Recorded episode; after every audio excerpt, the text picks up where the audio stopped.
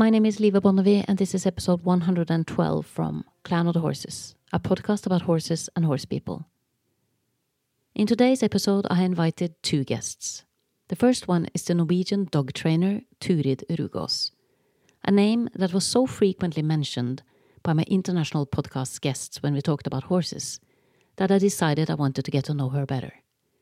And as it turns out, Turid is not just a dog person. She is also a certified riding instructor. But she didn't really fit into the old fashioned riding school system, and her focus shifted from equines to canines.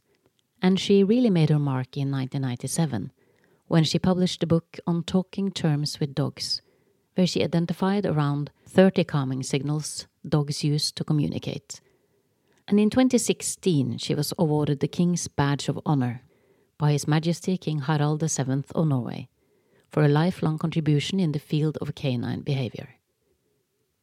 Right around that same time, my second guest, Rachael Draaisma, or Rachel as she's called internationally, published her book Language, Signs, and Calming Signals of Horses. Rachel is a Dutch horse lover who has trained both dogs and horses professionally for about 20 years.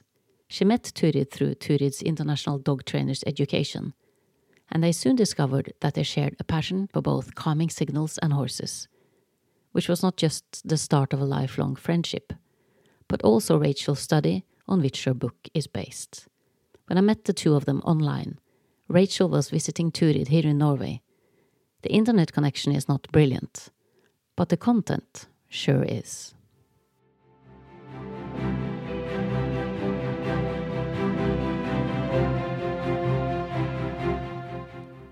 Welcome to the Clan of the Horses podcast, Turid and Rachel, and thank you for finding an opening in your busy schedule so we were able to have this talk. Pleasure. Sure.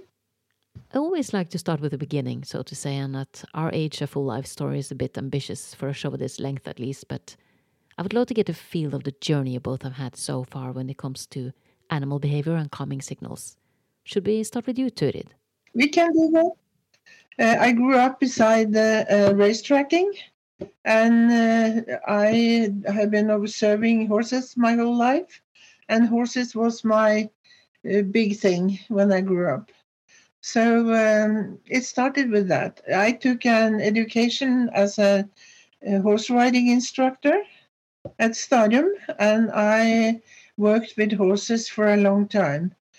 Uh, not so much uh, instructing riding, but I turned into behavior because that is, has always been my favorite. And during all the years with horses, I I noticed and observed because uh, I'm actually a born uh, observer. I observed the language that horses had, and I started to to use them and uh, communicate with them in a way I saw they understood. So when I later started to work with the dogs, I also well I was aware that they also had a language and I noticed the same. And so it had a natural development from the very beginning, just by observing. And anybody can observe it if they want to, and if they have patience to look at the animals when they are doing what they do without any interference. And you will be able to see how they speak and how they react to things. And that way you can actually learn how they communicate. As long as you uh, have, are around animals, just observe. That's uh, how it works because they communicate with the environment all the time. And the the more they are in different environments, the more you will see because you will recognize uh, the language they have. Because I think that's can be challenging for people sometimes that they think that in order to learn something about horses and horse the horse's language that you need to observe them actually in the wild or in you know no uh, you see much more in uh, our society because there are so much more going on that you see much more language in the wild there is not that much to communicate with so it it gets a little different but um, everybody can observe yes they can but the fact is that many uh, people are not really good from from birth in observing, so they have to learn it. And it's no shame not to, to be a born observer because that's uh, something you're born with or not. But everybody can learn. So that's you, uh, Turid, and uh, your approach with calming signals. You observe the horses and then you kind of found this language and you wrote the dictionary in a way. Yes. Uh, it was a long, uh, long way to go, of course. But uh, if you want to do good things, you have to have patience and work on it. Nothing is done in uh, just a jiffy. And then it's you, Rachel. How how do you uh, come into this? I can make a very short and long story. So the short one um, started. I started working as a dog behavioral consultant in 2003, full time, and the moment I read Turid's book on calming signals, that made a huge impact in my working with dogs because I could read them much better and fine tune my communication with them and also my help to the owners. And horses were also part of my life daily, as were dogs. And you can never just stick to one species, can you, when you observe and you interact with them? Um, so, what I read in Turid's book and what I practiced with the dogs, I also practiced with horses. And when Turid came to the Netherlands in 2012 for an education, I went there straight away. And we intensified our contact and we found a common passion that was that were the horses. So we started a study uh, about calming signals of horses, which uh, yeah. What I think is interesting is that when it comes to calming signals, uh, they are very subtle.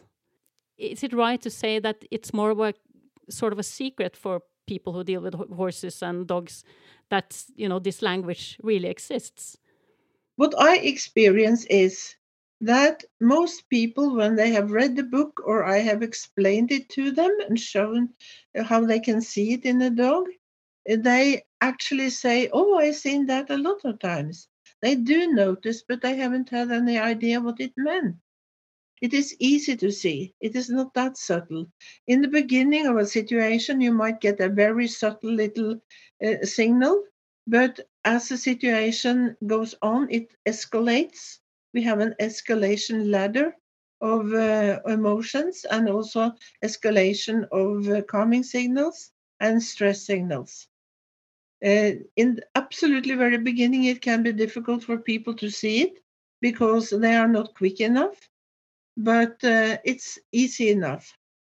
So when they learn to see it, uh, they usually say that.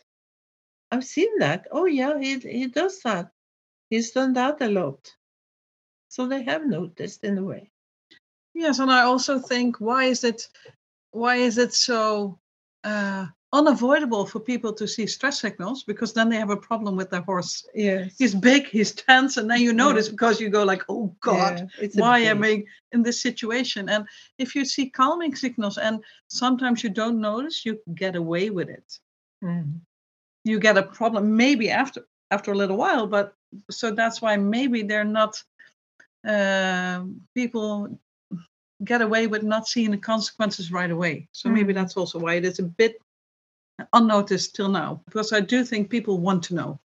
That is my impression as well when I do this podcast that people contact me and say, Where can we go to learn more? So, when it comes to calming signals, it's always nice to have some, you know, examples of calming signals that a horse could do in a specific situation and what would be a good way to handle it.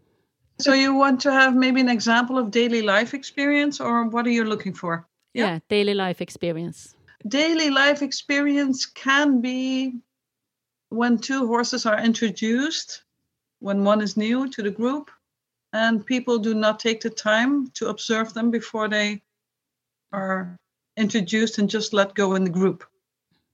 So, if I would uh, suggest, I might suggest to have the group of horses and then maybe a string in between the new horse so they can observe, walk past each other, you can observe them and see if they are friendly to each other, if they show stress signals, if they show calming signals.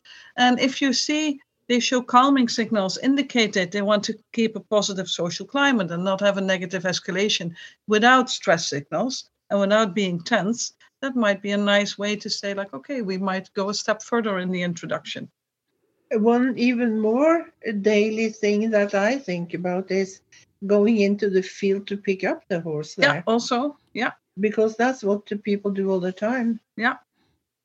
And just Yes. going straight forward and missing signals Yes. yeah well if you have a very good relationship with your horse and he's waiting for you and he he comes to you obviously you can go to him but if you see a horse withdrawing a bit lightweight shift to the outside maybe an ear to the outside or eye to the outside because he wants to leave because you're too frontally facing.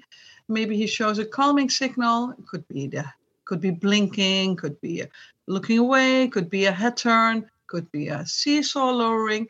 Then you adapt your behavior and obviously adapt your behavior not when you see those strings. I'll ju- i just gave examples. But if you see one or two calming signals you can make a calming signal yourself. You can slower your pace. You can do a head turn. You can do a curve to make communication and harmony within the two of you. And be polite as polite as the horses Because that is a key word, I think, that we expect the horse to be polite at all times, but we're not very polite at all times ourselves. we ex- expect him to be obedient. Many of us, yeah, yeah, many of us, and and that is what we discuss with the two, mm. with with with us too. Like that control is such a major major part in the in the horse human relationship. And we have to let go of that. We have to communicate and have a relationship instead of controlling, controlling all the time. That that is not good for any species. Not horses, not for dogs, nobody. But you were trained as a riding instructor, Turid. Mm. So I think a lot of that control, the need of control, also grows out of coming from a system where we have been taught to be the boss, put the horse in place, you know, pull on the reins, uh, hit him harder, smack him harder. So it's you know it's it's um yeah it's um, I, I I went through the education, but I changed things very fast because it's not me to do controlling. So I always rode a horse with totally loose reins or without reins at all. And uh, yeah, we talked today about uh, one of my horses who actually went sniffing the ground when he was uh, he was uh, walking with me on his back because I let him do it if he wanted to. I, I see no point in why he shouldn't. If he wants to go sniffing, he should be able to. And he actually tracked down a, a snake. So I mean, uh, we we need to not be afraid of losing control. We should be good enough and letting the animal have some choices of what to do. That's the only way they can grow and develop and be really smart and and easy to be around. If they get some self confidence and know how to deal with things in daily life without us controlling it all the time. It's the same for horses as for dogs. I do the same with dogs. And, and I mean, freedom in choices. It can be very small and it can be much bigger. If you tie your horse up when brushing, many people use cross ties. Why? There's no movement, there's no freedom. Why not give him a longer rope or brush him in a paddock where he can look around a bit and stand still? So you also notice when he is done brushing instead of you wanting to continue. Or if Mhm. it's not possible outside, giving him a longer rope with some lineage where he wants to stand or what view he wants. I mean, we are also so into our habits that we we just don't think. We just know, oh, there's the place to tie him up, and we do it. Think about the small, small um spaces where you can give your horse freedom. If you go out riding, why not make him decide what way he wants to go? And if he wants to return, why not follow? Because there's something maybe why he makes that decision. Or when you go out on a Mhm. hike, or if he wants to go out of the pasture, why not take him Mhm. out? I mean, there's small Mm. smaller and bigger things you can do because i meet some people say like well there's not much i can do in the life of my horse but if you if you start to think of it you can you can. And obviously um, it's not always black and white and you can go totally freedom because it has to be safe. But if we look for opportunities there are many. And the fact is that if uh, animals are brought up and to be developed and smart and finding their way around things and being self-confident, you know something? They very rarely get into trouble because they get so smart in finding their ways out of it. Especially so, Mhm. so especially separation anxiety with horses, which is a major, major problem for many people, that they cannot leave the barn with their horse.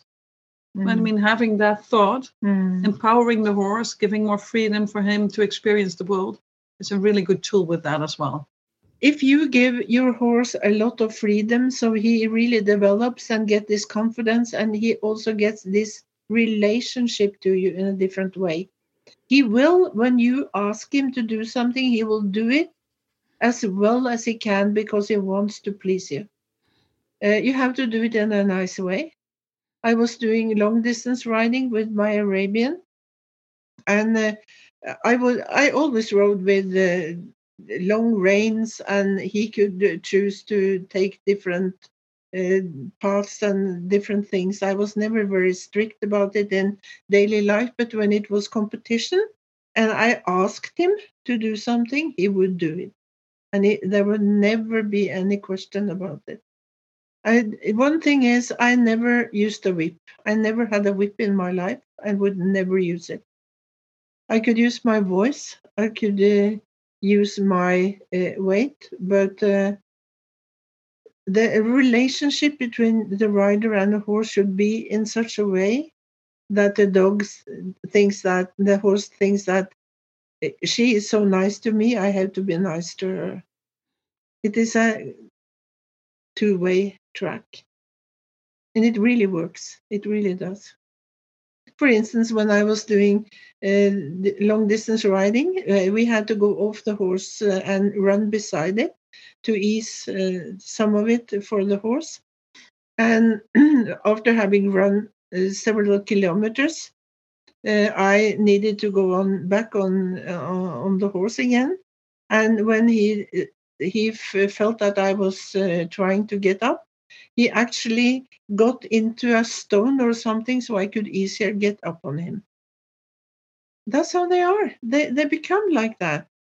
If you really let them have uh, choices and work together with them instead of controlling all the time. Yes, and then maybe if I may add about choices, because sometimes, I mean, a choice should really be a choice and not a choice like I'm the one with food and there's a barren paddock with sand.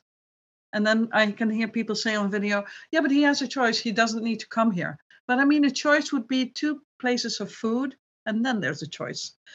I mean, it should be a real value that he can think about it and then act upon it. And not like he was forced to do something and he doesn't even know that he's allowed to stop or to say no. And then they say, oh, he chooses me. But then I think, yeah, but does he know he is allowed not to do it? So, in a way, that is also important to keep in mind. Yeah, because some mm. horses I encounter have been so controlled their whole life that if you give them a bit of freedom, firstly they don't dare to take it. They stand still, and um, mm. yeah, they are very often get learned helpless, and I see many, many, many horses who are, and it's so sad because the fact is, uh, when they are learned helpless, they are in fact depressive and I don't want anybody to be depressive because of what I do to them. And then also, what you say, talk, learned helplessness and depressive is also linking into what you said about choices, Liva, is that you say a choice should hopefully also be something a horse truly, truly enjoys. And some of the choices we might give would not be the horse's choice.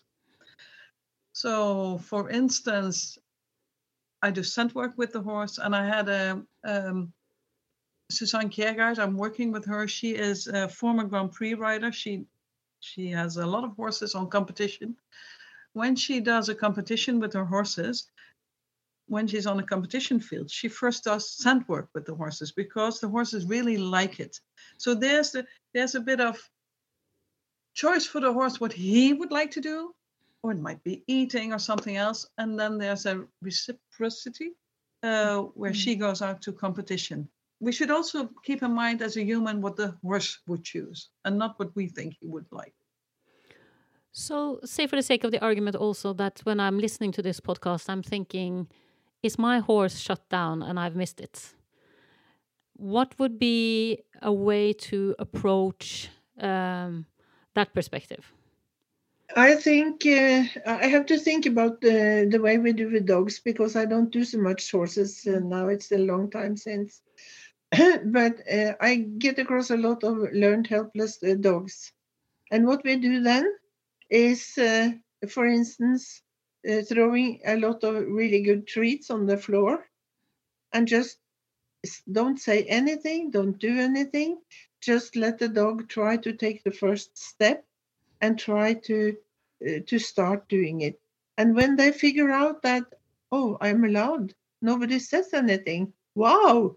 And then they get this joy of doing it. And also the same if a if a dog doesn't dare to go through a, a door into a new room or something, we just let him uh, wait.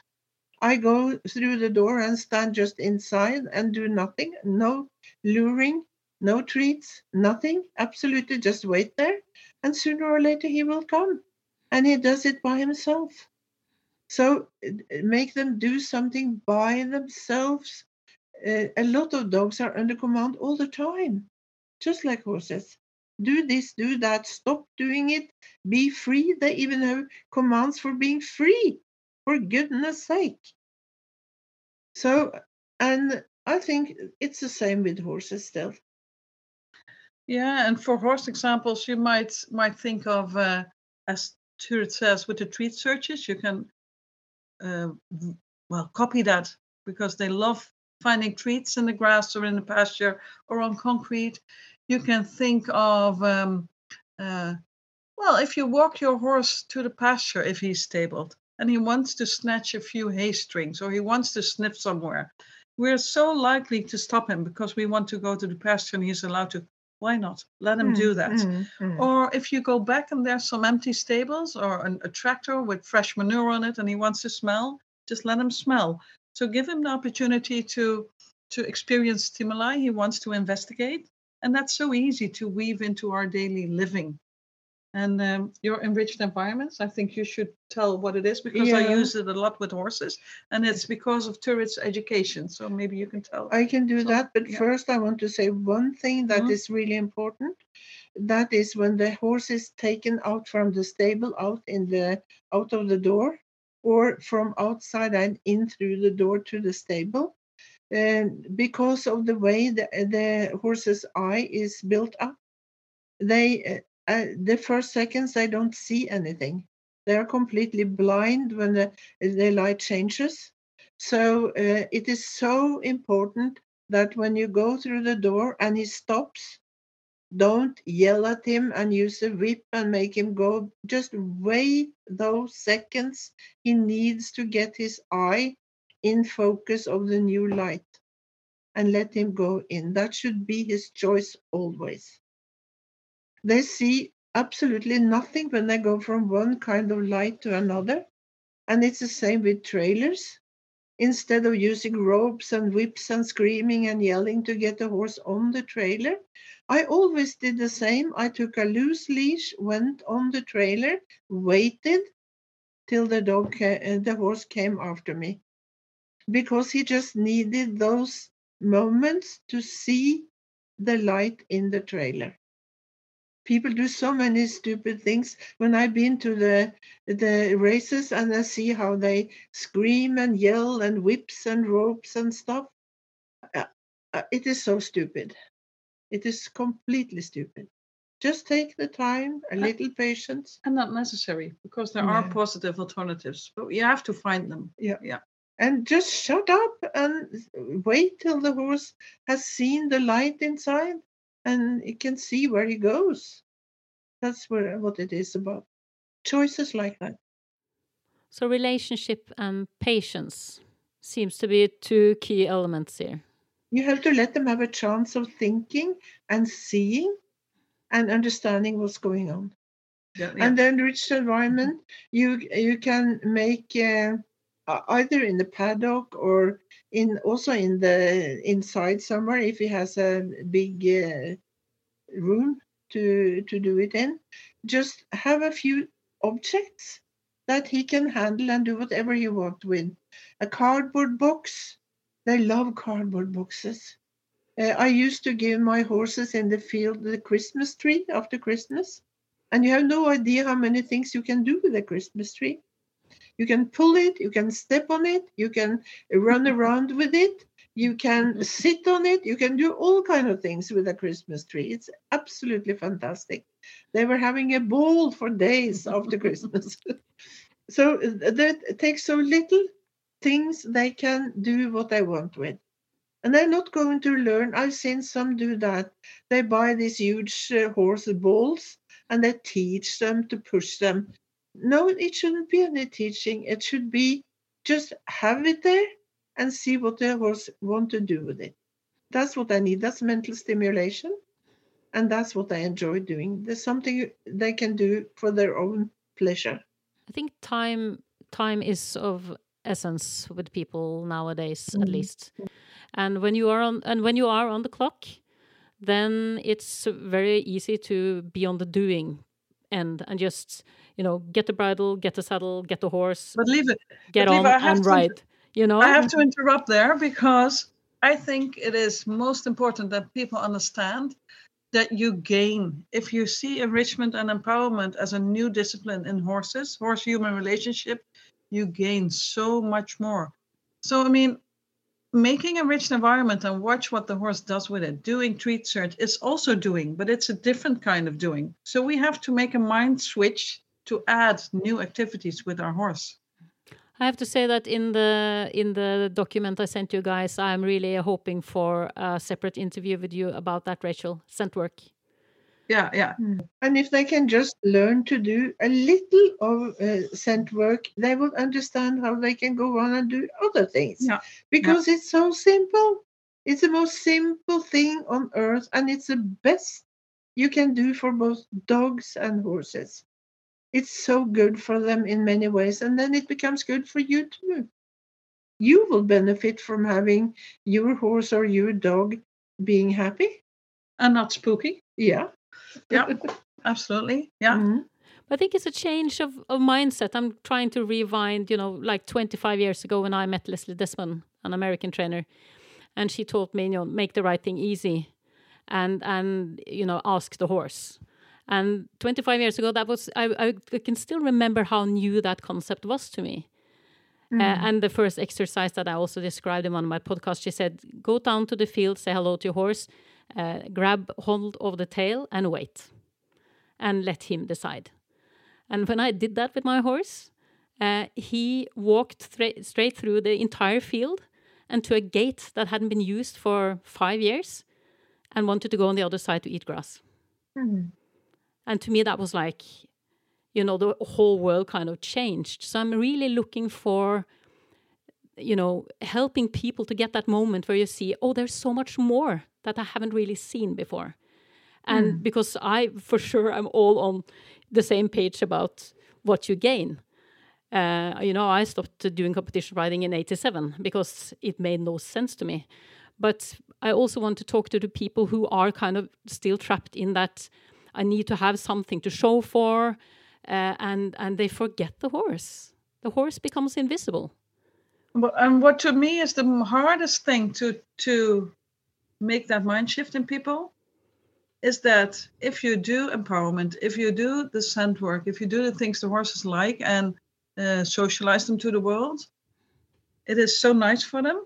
And that is hard for people to understand because if I tell them they get less spooky, they get more confident, your relationship will be better, it seems like people do not understand that you gain all that by doing so many fun activities.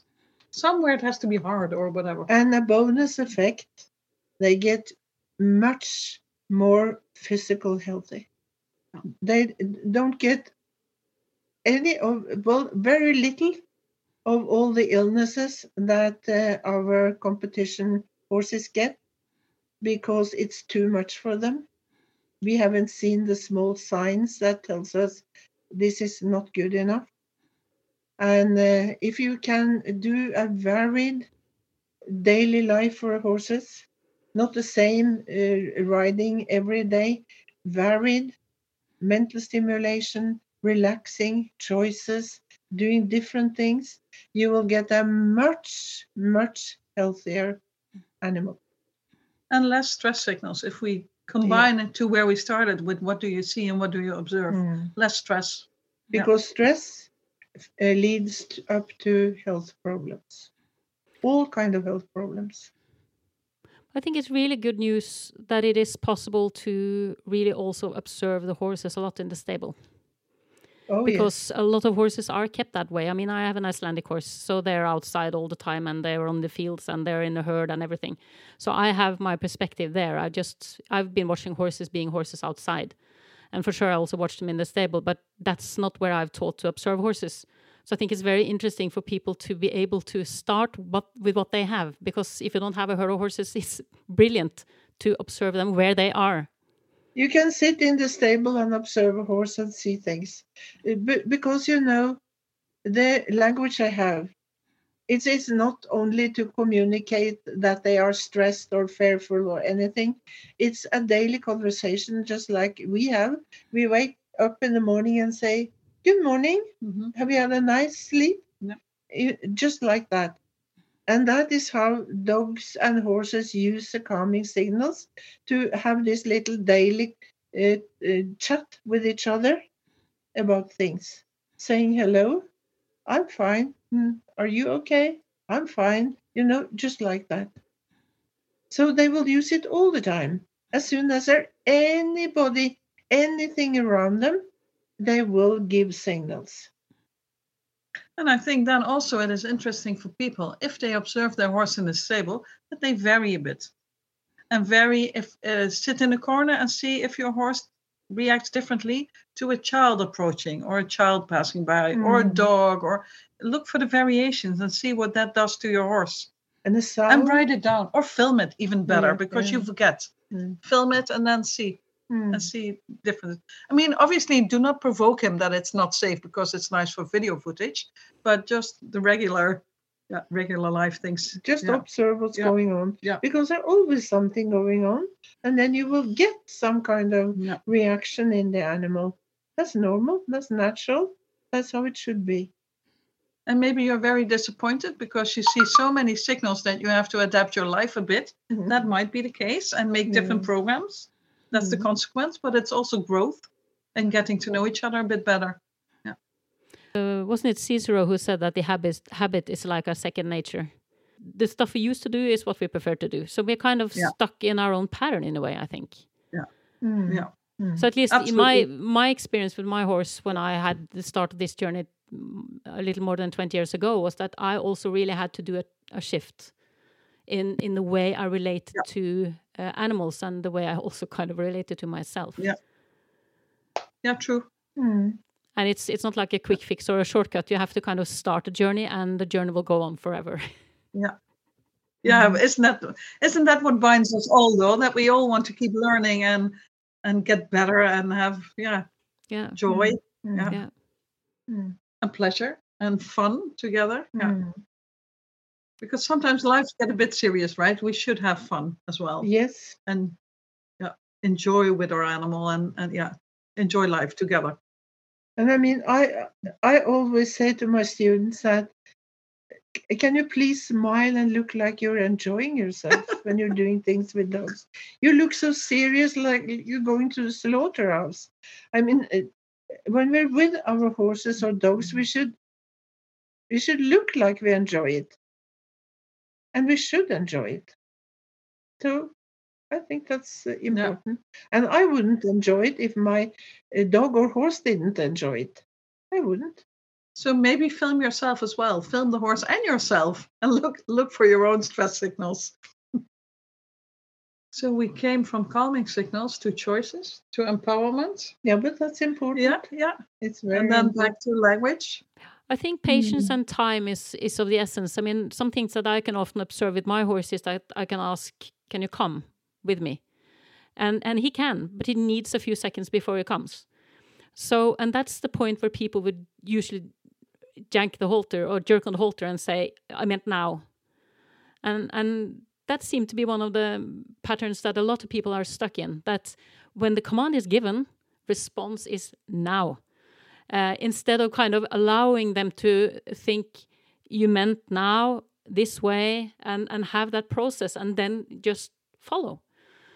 One thing is that uh, both horses and dogs and other animals they see first they observe what's going on and they they rely to that first. The ears come later. That is not so important.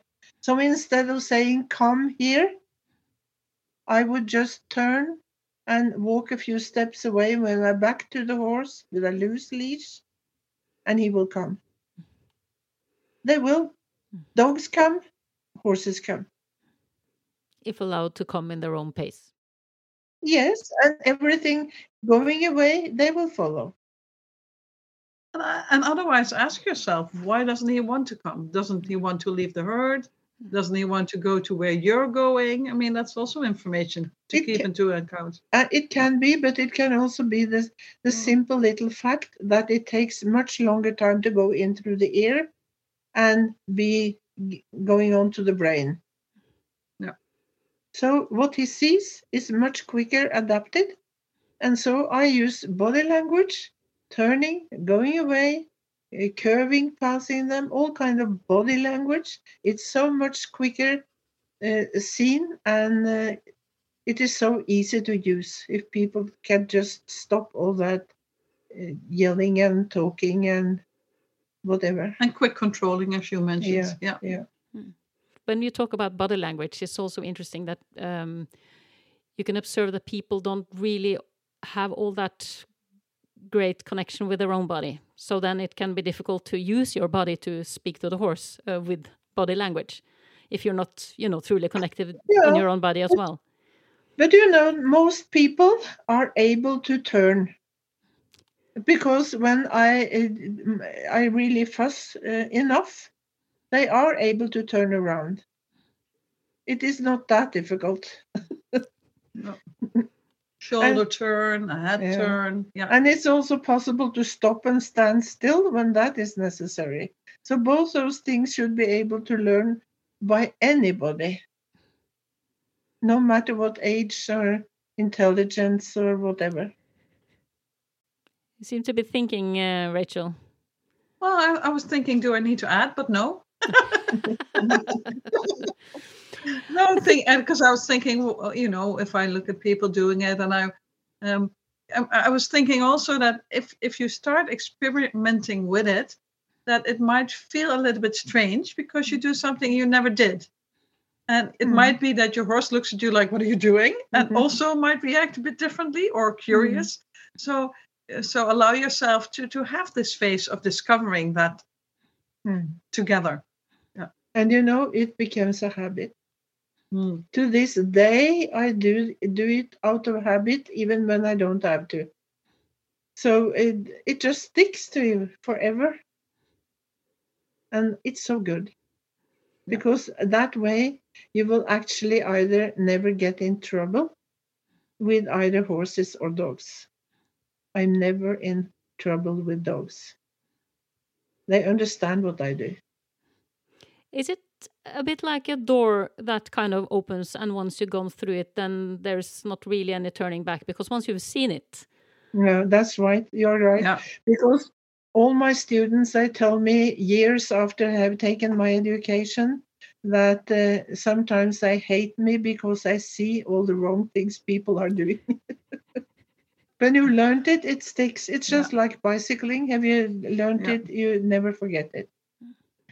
And I also, I mean, and and maybe the thing is, you you don't get in trouble because you combine making calming signals Mm. with reading the body language of the dog or horse, so you know what he can handle. So it is a combination. Because if you do not observe what he can handle and you put him in a situation that is absolutely stressful for him, then you're then you missed an important pillar. Yeah. So it, it it combines both if you if you work together. Yeah, because that's something you can also hear people say that uh, that buck came out of nowhere. Well, and then they go to lectures and they see our film material, and then all of a sudden say, "Oh gosh." Yeah. Because never, nothing happens that way. There's always something leading up to it. Might be quick, but it, it yeah, happens. it yeah. might be quick, but it's there. That's why we talk about this escalation ladder. It is so important Yeah. to learn that all these are escalations. And you need to see the start. Yeah, and in, in, in my lecture, also, for instance, I have films where you can see the tension going up slowly, and also when tension is there right away, and it's, different Mm. kinds of tension, so that people develop also a sense, a feeling for the calming signals and displacement activities and the stress signals and stress features of the horse within movement, because it can be very quick that the changes are there, and tension can be a little bit steady or level, but it can also fluctuate or go up and down. Yeah. And horses will be different, like dogs are different. Mm. That's make it interesting. I have been training dogs 52 years of my life, and uh, it's still just as exciting as it was in the beginning. I never, never get tired of it. That's the beauty, I think. We've been working today, and we Yes, we have. we enjoyed it. This is our vacation, and what what what do we do? yeah. Well, I have I have the same with some uh, friends of mine, uh, a group of women that we we kind of meet a few times a year or try to, and and for sure we have contact in between also. But we kind of just meet, and it's just from Friday to Sunday, it's just horse, horse, horse, Mm, mm. and uh, and you come home and feel uh, so energized, and uh, you really have added fuel to your fire. It's not like oh I'm so exhausted after the weekend. You're you know you're on a rising, yeah, especially in your own tribe. Yeah, Yeah. for Yeah. sure. Yeah. Yeah. Mm. yeah, Yeah. i think it's so important that people kind of get the first tools to kind of you know Mm. try to start experimenting because the curiosity and the experiment and, and just watching the horses that's what you're gonna learn from Mm. so rachel and turid um, on this podcast i have a signature question um, and that is what have you learned from a life spent with horses or dogs for that matter that you think it's important that everybody dealing with these kind of animals should know maybe Turid should take the dog and then rachel could take the horse Okay. Uh, first and foremost, I have learned the, to respect dogs, respect their emotions, who they are, because they have so much in them that we do not recognize. And yeah, so that's, I think that's what I learned most respect them. And both horses and dogs are so much smarter and more capable of uh, using their brains than people will give them. And that's a shame. I could really talk about that because this is really an issue that has been more and more like present in my mind also with the guests I've had over the two years that I've run this podcast. They have the same brain as us, the same limbic system, the whole thing. It's so important that we understand and respect that and treat them the way we would any human being or whatever. It is necessary. And they deserve it. Yeah. And I love that ending because what I was going to say was also a bit negative, so cut that out. But but what I have what I've learned is that it's so hard to make people enthusiastic to change their ways, and that I go like, why why can't you be curious and do that? People are so into habits and the controlling you mentioned, and uh, that to me is an extra challenge in my work Hmm. to Yeah. try to reach people to try something and, and experience what Turid made me experience and that that world open up because I would want that for every person to experience. So maybe not too And what a negative. wo- journey that has been. oh yes, Yes. yes, what a journey. I yeah, I feel so so grateful and privileged. Yeah, Thank you ever so much for this talk, uh, both of you. I really, really uh, appreciate it. And also, uh, I really love the fact that you guys have been yeah given people just just like a hint of opportunity to to not say yeah, but i can't do that because i don't have a herd of horses i can't do that because i'm busy yeah but you can try a little and i think that's that's uh, that was brilliant that you guys managed to present a little because it's very achievable and understandable and easy what you present so I yeah, thank you. It, I got just what I hoped for. Oh, good. Okay, that's good. And thank you for the opportunity also for us to share it. Thank you, Liva. You have just heard episode 112 from Clan of the Horses, a podcast about horses and horse people. I want to thank my composer Fredrik Blom, my guests Turid and Rachel, and last but not least, I want to thank you, dear listener, for your patience. May the horse be forever with you.